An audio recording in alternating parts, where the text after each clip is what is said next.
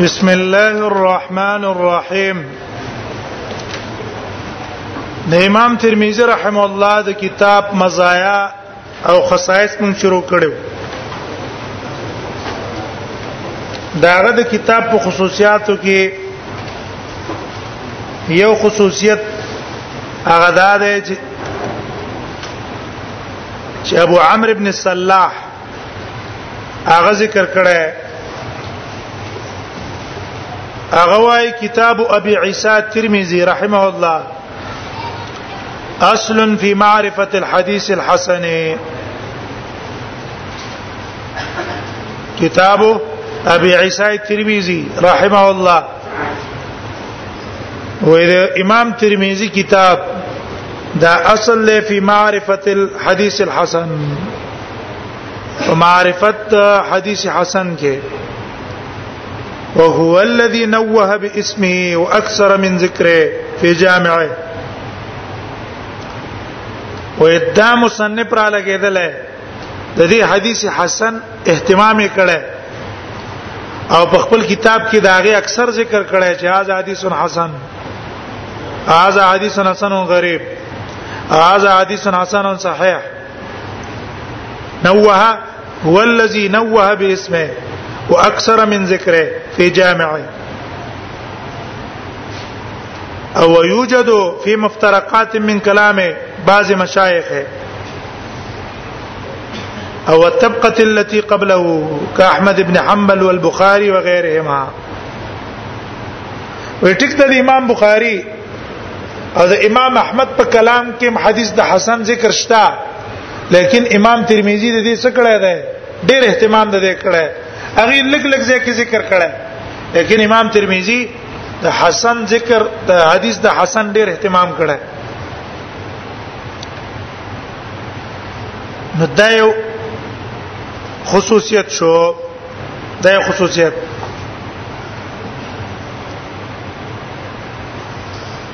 به د امام ترمذی ممیزات ممیزات علما را لګی دي دي هغه په یو څو نقطو کې راجم کړي چې د امام ترمذی ممیزات څه دي ممیزات خصائص او ممیزات د کتاب د ده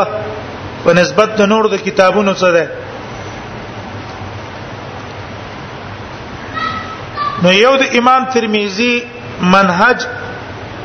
او طریقه دا چې داغه تعلق ته د سندونو سره یوې منهج او طریقه ده چې هغه متعلق ده د سند الحديث را او دویم منهج دی د امام ترمذی چې هغه متعلق دی بالمتون دا منهج چې تعلق د سند سره ده نو دا هغه څه شه ده او چې د متون سره تعلق ده دا هغه څه ده منهج او طریقه ده ده اول الرواله منهج الامام الترمذي المتعلق بالاسانيد نو اولا هغه د شروطه فی اسانید سنن شروطه فی اسانید سنن امام ترمذی چې کوم حدیث په سنن کې راوړي نو دا احادیثو د پاره یو شرط دا ده یو شرط چې عمل العلماء بالحديث چې د په کتاب کې هغه حدیث راوړي چې علما به پاغي عمل کړي امام ترمذی په نسبت باندې غټ معتمد خبره غدا ده هغه حدیث براوړي چې پاغه علما وکړي عمل پکړي او که چا په عمل نه کړي یو حدیث باندې یو علما په قول نه دی کړی عمل په نه دی کړی نو امام ترمذی هغه حدیث کتاب کې نه راوړي او دا د امام ترمذی د خبرې نه په خپل معلومیږي امام ترمذی وايي وجميع ما في هذا الكتاب من الحديث فهو معمول به وجميع ما في هذا الكتاب من الحديث فهو معمول به وی په دې کتاب کې چې څونه احادیث دي په دې عمل شوی دی وقد اخذ به بعض العلماء او بعض علما هم په هغه باندې اقوال کړي وي خو ما خلا حدیثین صرف دو حدیثونه دي چې ما په دې کتاب کې راوړي دي او چا په قول نه دی کړی او نه په عمل کړی اول حدیث د عبد الله ابن عباس ده حدیث د عبد الله ابن عباس ان النبي صلى الله عليه وسلم جمع بين الظهر والعصر بالمدينه من غير خوف ولا سفر نبی سم د ماسپخیم او مازیګر په منځ کې په مدینه کې جمع کړی دا بغیر د خوف او د سفر نه سفر هم نه لکه مدینه کې او خوف هم نه به مدي سره اورل دی چې رسول الله صلی الله علیه وسلم فرمایلی دی اذا شرب فجلدوه اذا شرب فجلدوه فإن عاد في الرابعة فاقتلوه یو سړی شراب یو ځل اسکی دوری ولا ور کوي دویم ځل اوس کلی دوری ولا ور کوي فین عاد فی الرابعه کڅلورم ځل بیا اوس کله فقتلوه اذا مړ کوي امام ترمذی اوس وايي چې د دوه حدیثونو باندې چا عمل نه کړای لیکن اول ځین کې دام کې نه وای امام ترمذی چې دا قول کو چې وجميع فی هذا الكتاب فهو معمول به نو دا قول ګوره دا مطلب نه ده ځګینه د ټول احادیث معمول بها راوړي ټول احادیث معمول بها راوړي دا مطلب نه ده بلکې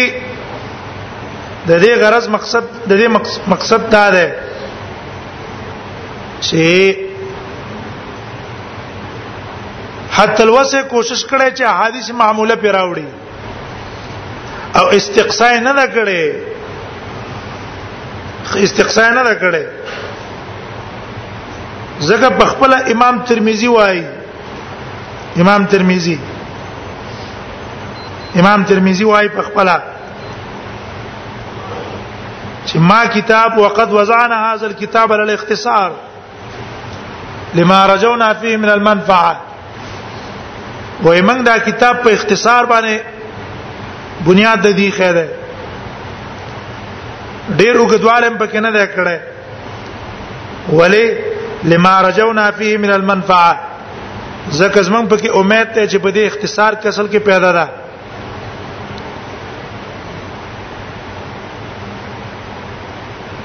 دیو جنا وای من اختصار کړه دیمه خبره ده چې کومه ده دیمه خبره چې دی ویره د دوه دي سونو باندې عمل نشتا دا خبرم د ده صحیح نه ده بلکې دغه حدیث معمول به دی حدیث د ابن عباس باندې امام احمد قول کړه هغه په مابین د ماسپخیم او مازیګر او د ماقام او ماقستن په منځونو کې دا جمع جائز دلیل مریض و نحوه نو سړی بیمار دی نو هغه د پاره جمع جایز ده یا باران ده د باران د وجه نه اگر که سړی مسافر هم نه مقیمی جمع بیان ولا جایز ده عمل پیو کو او د عبد الله ابن عباس رضی الله عنه ته پوښتنه شوې ده چې لما فعل رسول الله صلی الله علیه وسلم ذلک نبی سم دا جواب بیان صلاتین ولې وکړه عبد الله ابن عباس جواب ورکو اراد ان لا يحرج امته غرض د نبی سلام داو چې امت په حرج او په تکلیف کې وانه شي دې علت نه معلوم شو چې امت ته په ترک الجمع کې حرجو په ترک الجمع بین الصلاتین کې حرج نو جمع بین الصلاتین لڅه ده جائز ده کنه لا يحرج امته دینه دا معلوم شو او ارچ حدیث د شرب الخمر ده چې فین عاد فی الرابعه فقتلوه په هغه باندې خو باز علما قول کړي لکه ابن حزم ابن حزم مذهب دا ده چې سړی یو ځل شراب اوس کی به اوس کی به اوس کی نو څلورم ځل اوس کل دوری نه دی قتل له وجنه به بكل حال او شیخ الاسلام ابن تیمیه رحمه الله هغه په قول کړی دی عند الحاجه وکړه چرته دا شری سړی شریو او د دې وجیدون وجیدلو نه په غیر نه منع کېدلو او نور خلک هم په نه منع کېدلو نو به وجل شي نو ګوره په دې باندې اجماع نشو کنه اجماع نه شو امام ترمذی چې وایي چې دا دوه حدیثونه غیر معمول بیا دي دا قول د صحیح نشو دیمه مصنف رحم الله چې سندونه کې کم راویان نقل کړي نو هغه روات نقل کړي چې هغه شدید ضعف نه وي څنګه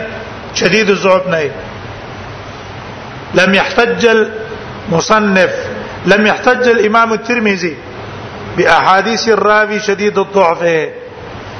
هغه راوي چې بنتي سخت ضعیف ده داغه پر روایتونو باندې سر استدلال کړی نه ده او اذا اورد له حدیثا هغه بل فرض داغه نه حدیث نقل کړی دی نو بیا رستو داغه بیان کړی دی به حسب اجتهاد د خپل اجتهاد مطابق داغه بیان کړی چیرې دا حدیث زعیب ته پلان کې د وجنه دیو جنا د د شرط په نسبت د شرط امام ابو داود څه ده دا ابلغ ده ابلغ ول امام ابو داود رحم الله وايي چې کچرته ز شدید الضعف بینته او کچرته زو په کې گزاري والای نو زه پس کومه سکوت پکوما امام ترمذی دا نه کوي امام ترمذی د شدید ضعیف نه روایت سره نقل کوي نه او که ضعیف نه روایت نقلم کوي نو به په څه کوي به په کلام کوي دا قصې بریدي نه سکوت په اختیارای نه بلکې وایي چې د حدیث خو مې نقل کو خدا راوي ضعیف ده نو دا د شرط ابلغ شو په نسبت د چا امام ابو داود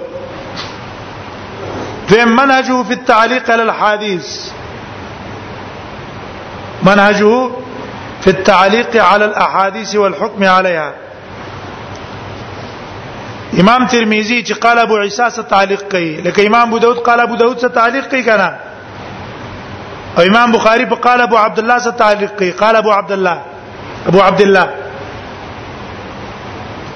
نو دې چې تعلیق کې پکڅ څه کوي قال ابو عیسی څه کوي نو په دې تعلیق کې د مقصدونه څه دي یو مقصد په تعلیق کې د دې الحكم على الاحاديث الحكم على الاحاديث لکه د امام ترمذی دا طریقه ده چې حدیث په آخر کې چې څنګه حدیث خلاص شي نو پاغي کلام کوي په قالا ابو عیسی سره او داغه نوعیت بیانوي قال ابو عیسی هاذا حدیث صحیح او قال ابو عیسی هاذا حدیث حسن دا کوي دیو جن امام ترمذی په هغه علماو کې ده اول من عرف الحديث الحسن اول من عرف الحديث الحسن چې دا حسن تعریف د کړه ده چې حسن چاته وي وی حسن حدیث هغه چاته وي کل حدیث یروى لا يكون في اسناده من يتهم بالكذب هر هغه حدیث چې دا غیر روات متهمین بالکذب نه او ولا یکون الحديث شاذا حدیث شاذ هم نه او يروى من غیر وجه او دا حدیث په نورو طریقو هم نقلی نو دا حدیث به حسنی نو اوس د امام ترمذی د استلام مطابق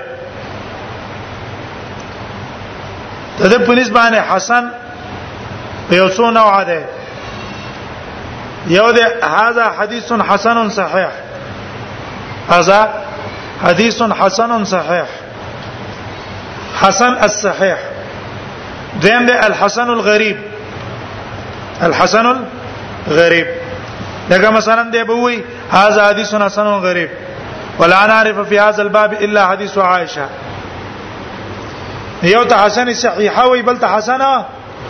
غریبه وي حاصل دا شو چې مصنف رحم الله په تعلیق کې غرض سي بیان د حدیث نو کله غرض په کې څه توضیح العلل وذکرها په حدیث کې چې کم ضعفي او وجد ضعفي هغه بیانای دیو جنا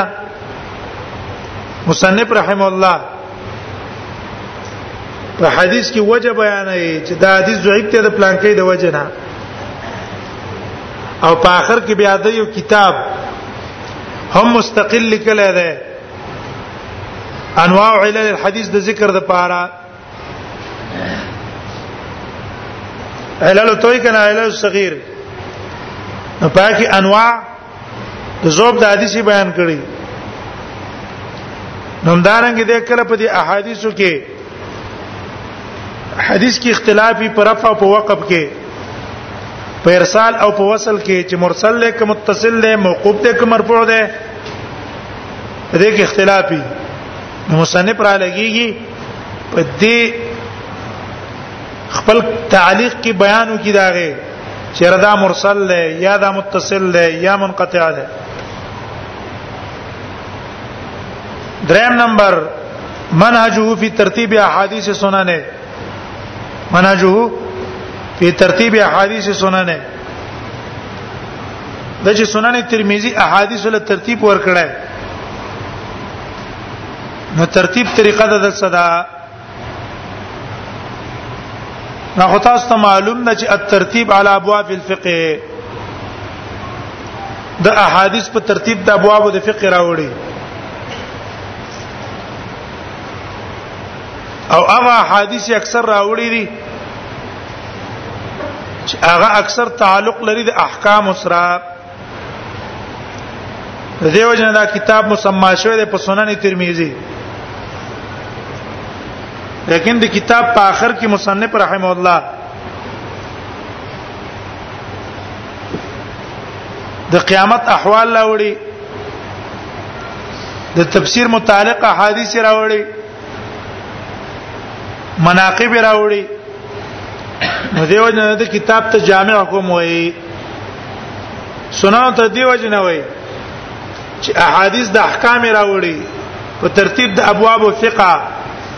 دیو جن ته سنن وای او په اخر کې تفسیر مناقب راوړي نو دیو جن کتاب مسما ده په جامع هم دویم منهج په ترتیب د احادیثو کې دا ده چې مصنف رحم الله اکثر ضعیف احادیث مخ کې راوړي حدیث ضعیفه غالبا اکثر مخ کې راوړي بیا رستو داغه نه احادیث صحیحه راوړي او دا غرض اصل کې دا ده چې دا په دې سنن کې بیان او کې د زوب د حدیثو ما بیان او کې د زوب د حدیث اوجه د زوب نو چون کې دا اله کیږي چې حدیث ضعیف وي کنه نو ځکه مخ کې راوړي رستو دا غي نه به صحیح حدیث راوړي خدا طریقه ګور اغلبي دا اغلبي اکثر طریقه دا ده کله الټه کارم کی صحیح حدیث مخ کې راوړي هغه په رستو به ضعیف راوړي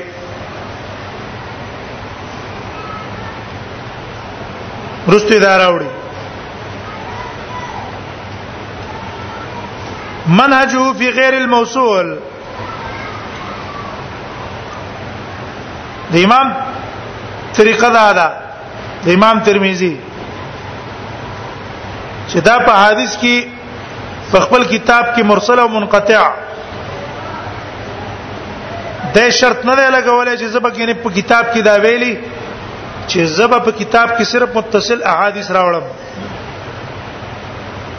دا شرط نه لګوله زبا احادیث مرفوعه متصله راوړم دا شرط او التزام نه ده کړه نو د دې وجنه مصنف رحم الله په کتاب کې احادیث مرسله احادیث منقطعه راوړي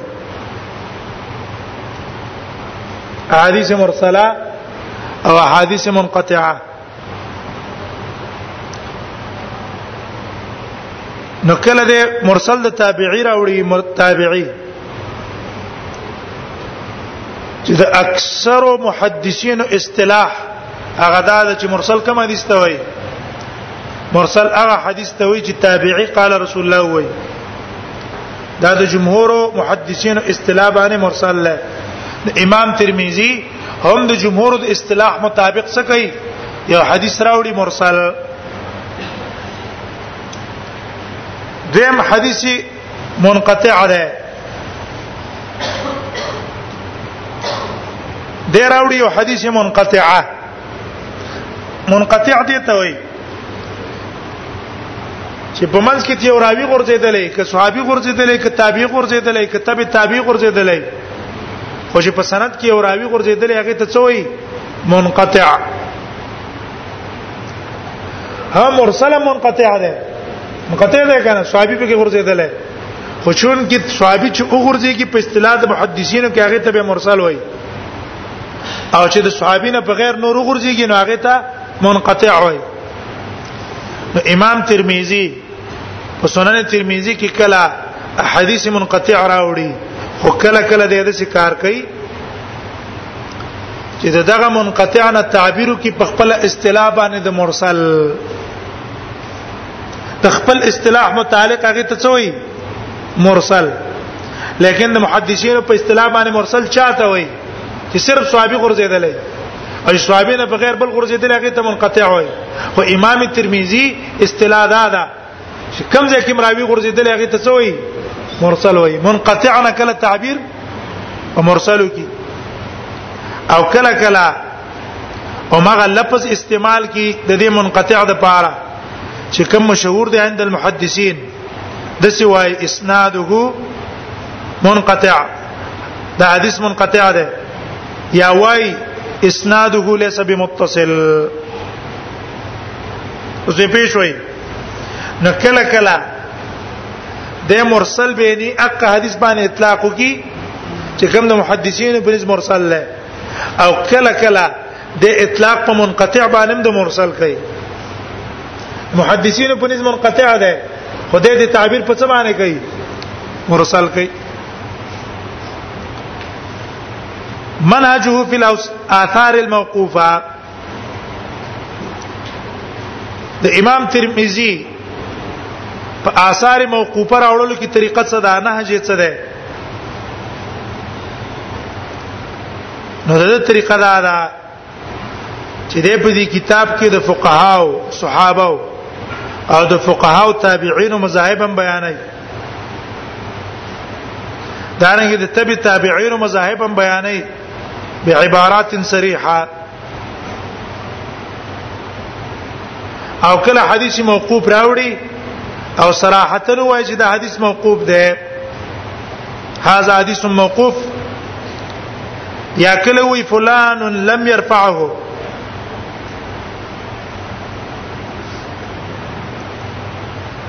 فلان لم يرفعه پلان کې مرفوع کړي نه دی موقوف کړي او دې موقوف کې کله کله غرض د څه کله به کې غرض دامي تقویتی دا حدیث ټیک تا پاس حدیث کې لږ جواب شته متصل خدا حدیث موقوف هم نقل له دا موقوف را اولګې دلو اغه له داغه تایید یو کو منهجه فی تکرار الحدیث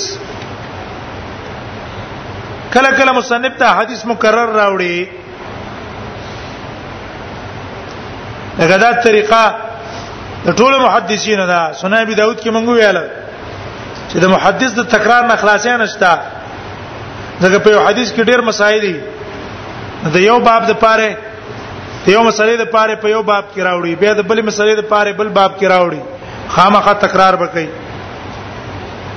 خو امام ترمذی طریقه دا ده چې هغه د تکرار نه ځان حتی لوس ساتل تکرار نه حتی لوس ساتل فلم يتكرر عنده الا القليل من الحديث في معاذ قليله لګو لګو زینو کې امام ترمذی تکرار د حدیث کړه تر دې چې ناظر او طالب ته حتی الوصف ته نه لګيږي پس ته الا بعد التامل چې سوچ نه کړه کنه نو پینه پويږي چې د حدیث امام ترمذی مکرر راوړی کنه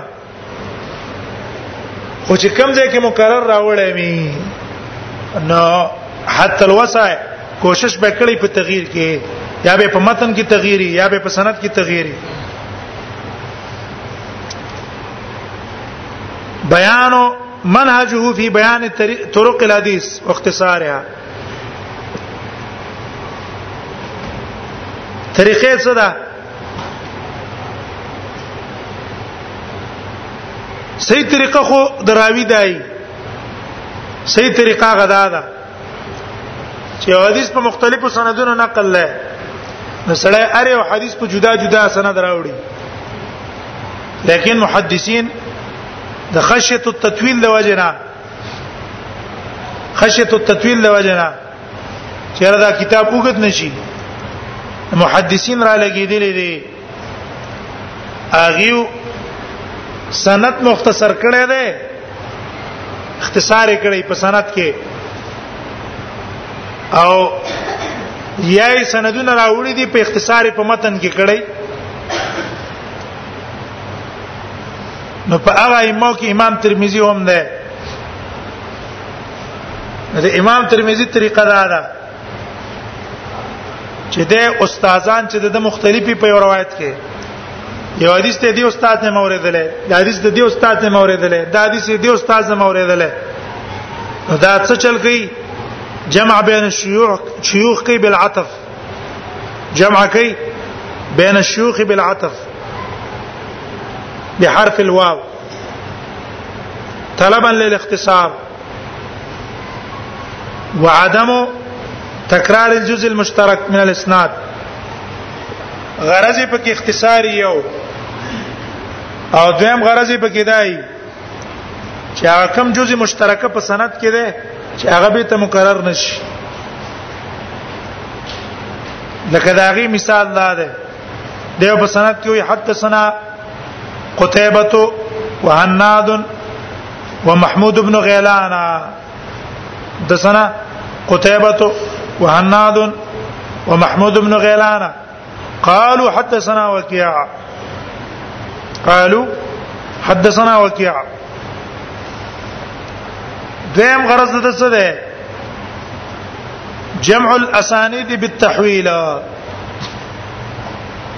دویم طریقه د اختصار د څه ده جمع الاسانید بالاخت بالتحویل دا سنن ابو داود کې تاسو ویلو چې محدثین کله انتقال کوي دی او سند نه بل سند ته الته حرف حا راوړي او د سیوی حا وحدثنا بیا کوم ځای کې چې مشترکی کم ځای کې سند مشترکي التحا ولګي به تر سند اول سر ته ورشي هغه سند او دا سند چې په کم ځای مشترکي هغه ځای نه رستو د حانا هغه به شروع کی دا کوي په شان ته د عام محدثینو درېمه طریقه غدا ده چې د څوکي یو حدیث طریقه ذکر کی یا د یو حدیث یو جز ذکر کی جز د حدیث او باقی ته پکې صرف اشاره او کی غرض پکې اختصاری څوکي هغه دا چې ذکر بعض الطرق او جزء من حدیث یو سند ذکر کړه یا د حدیث یو جز ذکر کړه اول اشاره الى الباقي او باقی ته اشاره کړی د پار د اختصار دا کله اذا كان الحديث اكثر من اسناد او متن دا پاره ټیم کې چې دی یو حدیث سند یا متون ډیری سند متن ډیر دی ٹھیک شو یا دی حدیث سندونه ډیر دی پاکي بعض ذکر کې نورو ته اشاره کوي تفصیلا نه ذکر کوي امام ترمذی او سنن ابو داود کې دا وایي وقد روي من غير وجه عن ابي هريره وقد رویه من غیر وجه نبی هريره ودا حدیث د ابو هريره نقل شوی په ډیرو طریقو باندې عن النبي صلی الله علیه وسلم هاذ الحديث د نبی صلی الله علیه وسلم نه وحديث ابي هريره انما صح لانه روي من غير وجه یا کله د څه وای حدیث ابي هريره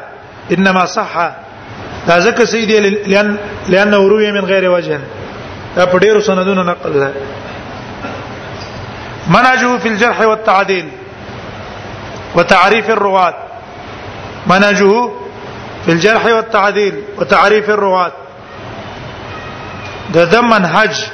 او طریقه په جرح درو په جرح او په تعدیل درواتو کې همدارنګه په تعریف درواتو کې طریقه څه ده امام ترمذی اکثر په کتاب کې څه کوي اغا درواتو بعض رواتو جرح کوي د بعضو تعدیل کوي او کله کله د باج رواتو تعریف مو کی مثلا دا وایي چې دا پلانکې صحابي دی یا دا پلانکې تابعی دی یا دا پلانکې کوفی دی یا دا پلانکې راوی بصری دی یا بیان د تاریخ د پیدایش تاغه د پلانکې ټیم کې پیدا ده پلان کې ټیم کې مړشه وې ده یا د راوی او پلان کې راوی دوانه په خپل منځ کې څه دي یو بل ورته څنګه ګډوډ شي دي خو دا پلان کې ده دا غنه ده دا ده دا کارونه کوي تارنګ جرحم کوي دغه مثلا ورستو براشي او ابن لهيعه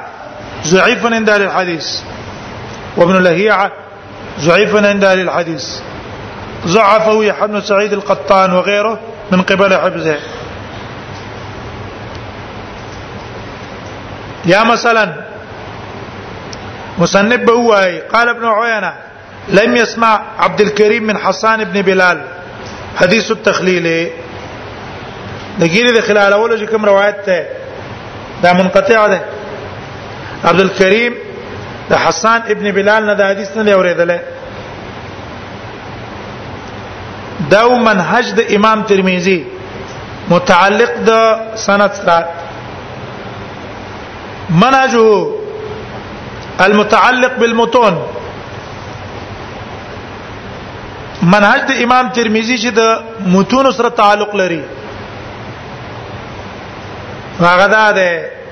چې منهجه فی تراجم الابواب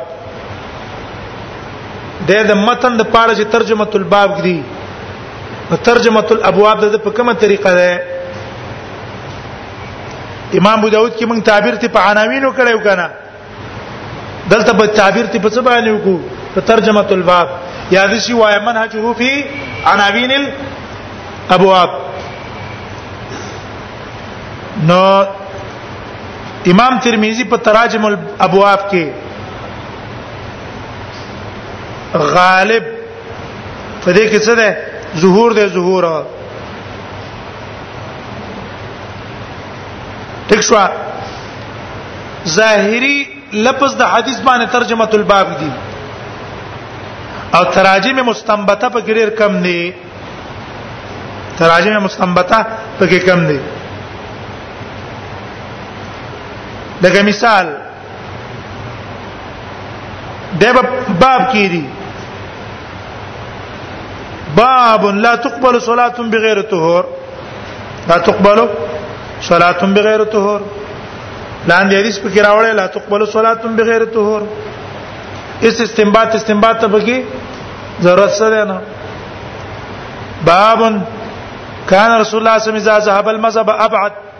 اذا ذهب المذهب ابعد ترجمه الباب خیره حدیث امراوړه کان رسول الله صلی الله علیه وسلم اذا ذهب المذهب ابعد تکشوا دا کار کوي باب ما جاء في ان مسح الراس مره دا باب خیر نو ظاهر د حدیث باندې څه کړي ترجمه الباب خي کله کله مصنف په ترجمه الابواب کې دام کې التراجم الخفيه الاستنباطيه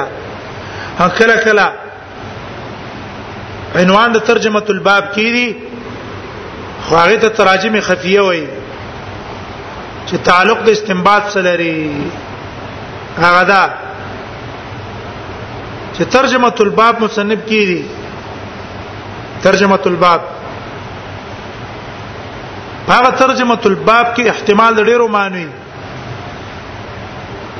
لاندې حدیث راوړي په دې حدیث کې تعین د څو کې د یو معنا او کې چې څک د ترجمه الباب کې ډیر معانی دي ولیکن دلته د ترجمه الباب نه کومه معنا مراد ده پلان کې معنا مراد ده دلالت پڅ کوي حدیث کې جما کم راوړی دا چل کوي دا کارو کوي او کلا ترجمه عامه ترجمه ځای عامه او حدیث تر راوړي خاص راوړي مثلا ترجمه البابی خه باو ما جاء في لزوء من القيء والرعاف په الټو او په پوزه ماته دوه باندې او داس ماتيږي حدیث لاندې راوړل دی ابو الدرداء ان النبي صلى الله عليه وسلم قاء فافطر فتوزع غره ترجمه الباب عام ده رعاب او قید وانه ته او حدیث خاص ته صرف د قیو ده یا الټا ترجمه خاصی ترجمه څه ده خاص ته خاص او لاندې حدیث راوړي عموما لکه مثلا باب دی باب ما جاء فی السهو عن وقت صلاه العصر دا حدیث راوړی نو ترجمه الباب کې سهو ده سهو حدیث ابن عمر راوړی الذي تفوته صلاه العصر الذي تفوته صلاه العصر فكانما اوتر له وماله ترجمه خاص ته شامل له سهو ته او لفظ فوات عام ده برابر خبره که په سهو باندې او که په عمد باندې وغیر ذلک درم تراجم مرسله راوړي تراجم مرسله تراجم مرسله معنا څه صرف بابن کی دي او پاکه ترجمه الباب ذکر نه کی د شی هاذا بابن هاذا بابن یا باب منه اخر منهج في ذكر الفوائد ومختلف الحديث امام طریقه د دې طریقه څه ده په ذکر الفوائد او په مختلف الحديث کې د امام ترمذی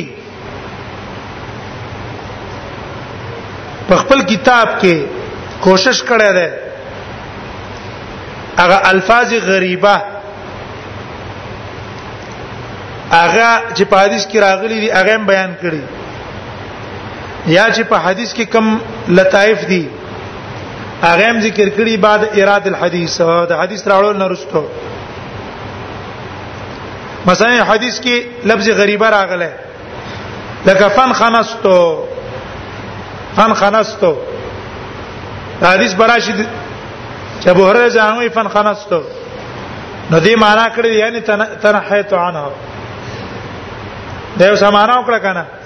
یعنی تنحیت عنه د تلری شو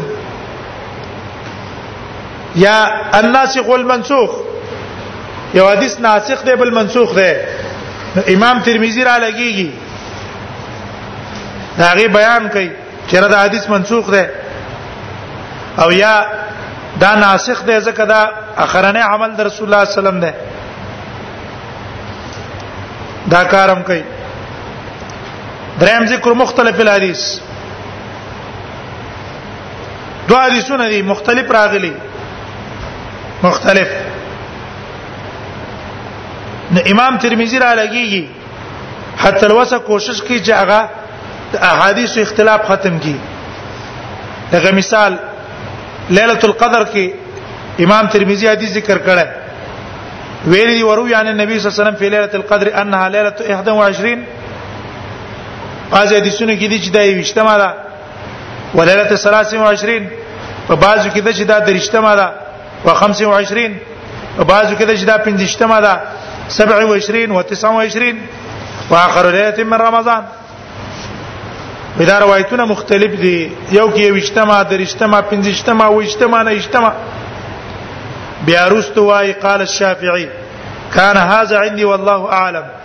ان النبي صلى الله عليه وسلم كان يجيب على نحو ما يسال عنه وې د دې احادیث مطلب دا ده چې رسول الله صلی الله علیه وسلم څنګه جواب وکړو ته پوسو کو د حق مطابق به جواب ورکاو چا بو تویل چې اې د الله نبی په یشتمه کې طلب کو نبی سم یو طلب یې کوي چا بو تویل په درشتمه کې طلب کو یا چاو تل پنځشتمه کې طلب کوي او شابو تل چې دا الله نبی نشتمه کې طلب کو نبی سمول او داغه مطابق جوابونه ورکړي دي په مصطلحاتو کې بعضی مصطلحات د امام ترمذی هغه بیان کو کتاب ته ورشو